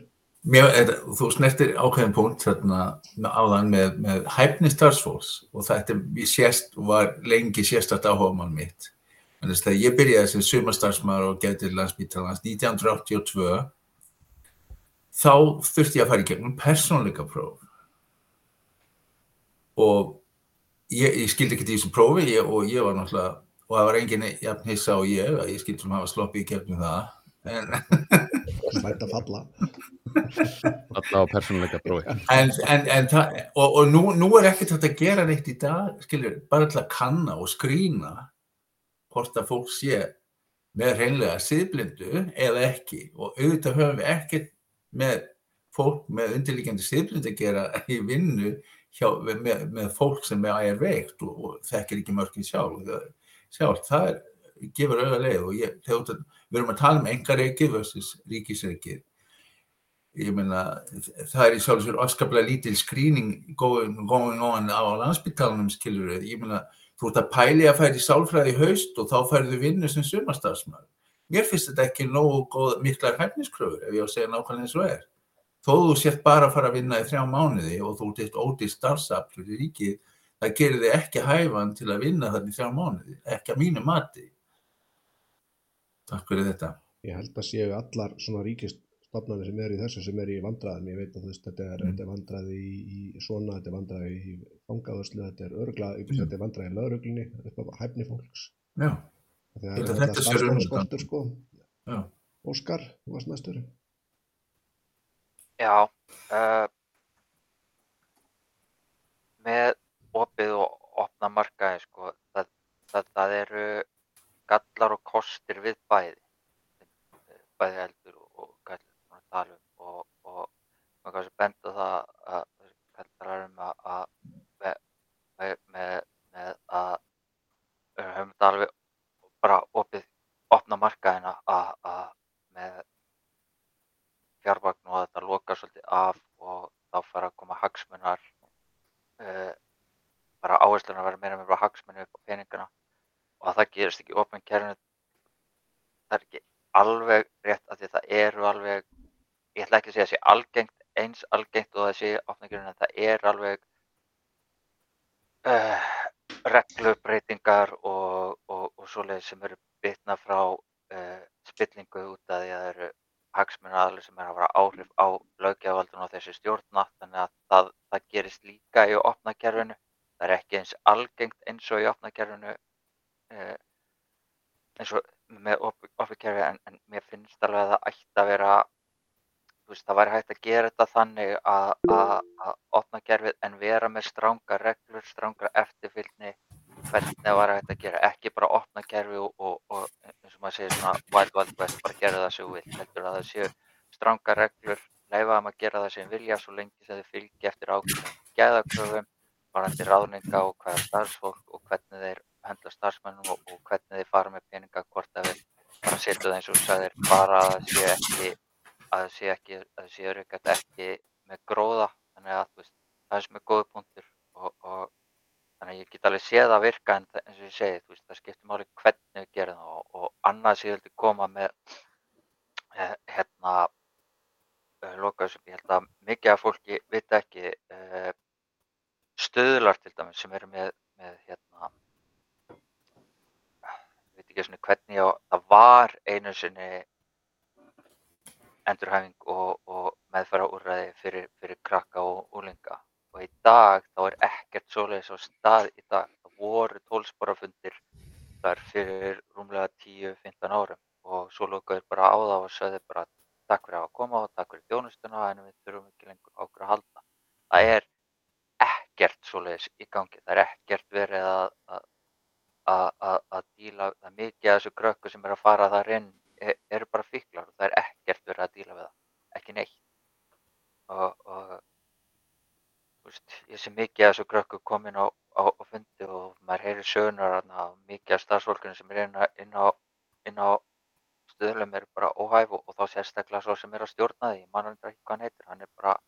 ófæra því hann, hann, segi, hann er með þá skoðun að, að, að þú getur ekki verið fíkil fyrir þú stórðin átjónara það er ekki til einn sem heitir að vera að vera fíkil. Hann hefur sagt þetta ofinbært margóft að það sé ekki til hægt að vera fíkil og, og vera ólengur.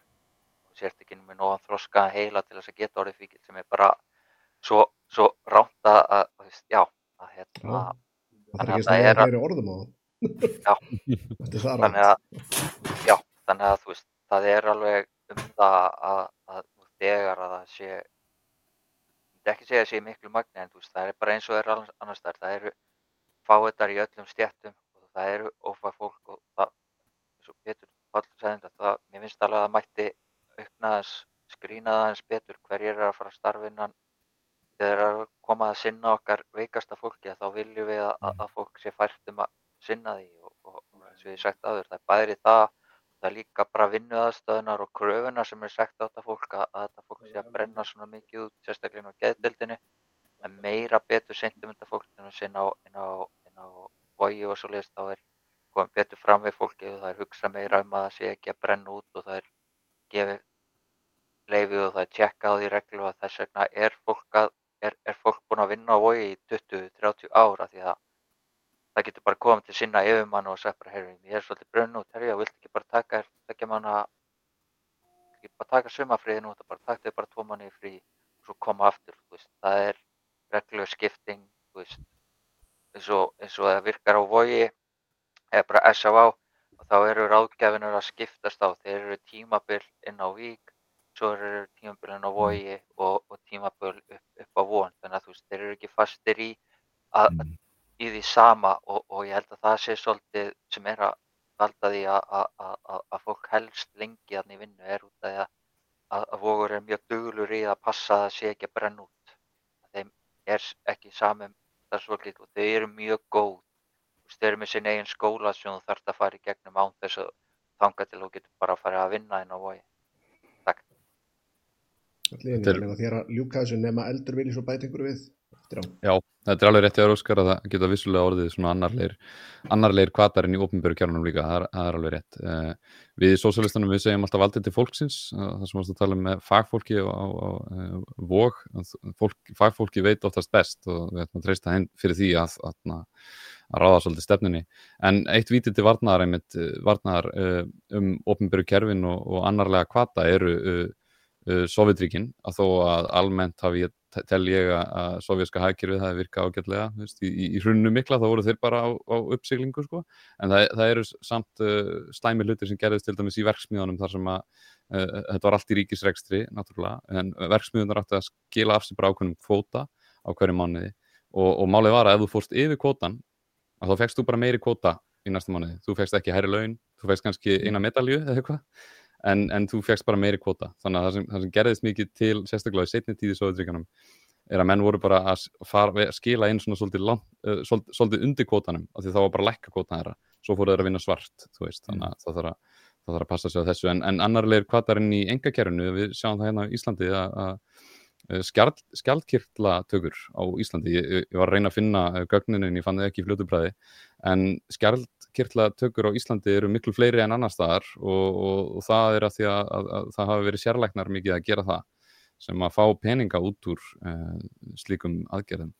Uh, þannig að það, þú veist, við erum búin að vera að taka skjaldkirtlana úr fullta fólki sem að, sem að þurfti kannski ekki að taka, fullta börnum sem að þurfti kannski ekki að taka úr þó að þurfi stundum. Og svo erum við plastbarkamálið uh, sem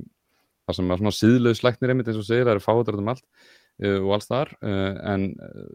en líka sko ef, ef þú ert að búið til kerfið þar sem að, að þú, þú ferð að læra að verða læknir og þú sér fyrir þér að geta opnað þín eigin engastofu og orðið, orðið mjög ríkur ef þú ert mjög framúrskarandi góður og svona þá, þá laður aðeir fólk inn í helbyrðiskerfið sem, sem að er að koma ánga til þess að verða ríkt en það er ekki að koma aðna til að læra uh, í, í, til þess að heila og læra að heila á kúpu að þá, þú veist, færðu ágætt laun sem læknir uh, en, en þú, þú fær líka tölverða uh, félagslega stöðu. Og mér finnst bara að það ætti að döga við ættum að hanna kerfið út frá fórsendum bara venjulegs fólks, ekki ykkur að svona draumimóra um, um ykkur, ykkur, ykkur ofurmenni og, og svona. Já, þetta var bara fín loka orð og hérna að segja við ykkur nokkur orð eftir þáttinn en bara þakka bara kærlega fyrir í kvöld. Það var bara mjög, mjög skemmtilegar og fræðandi umræður. Takk fyrir Takk sem leiðis, mjög góður umræður. Takk fyrir það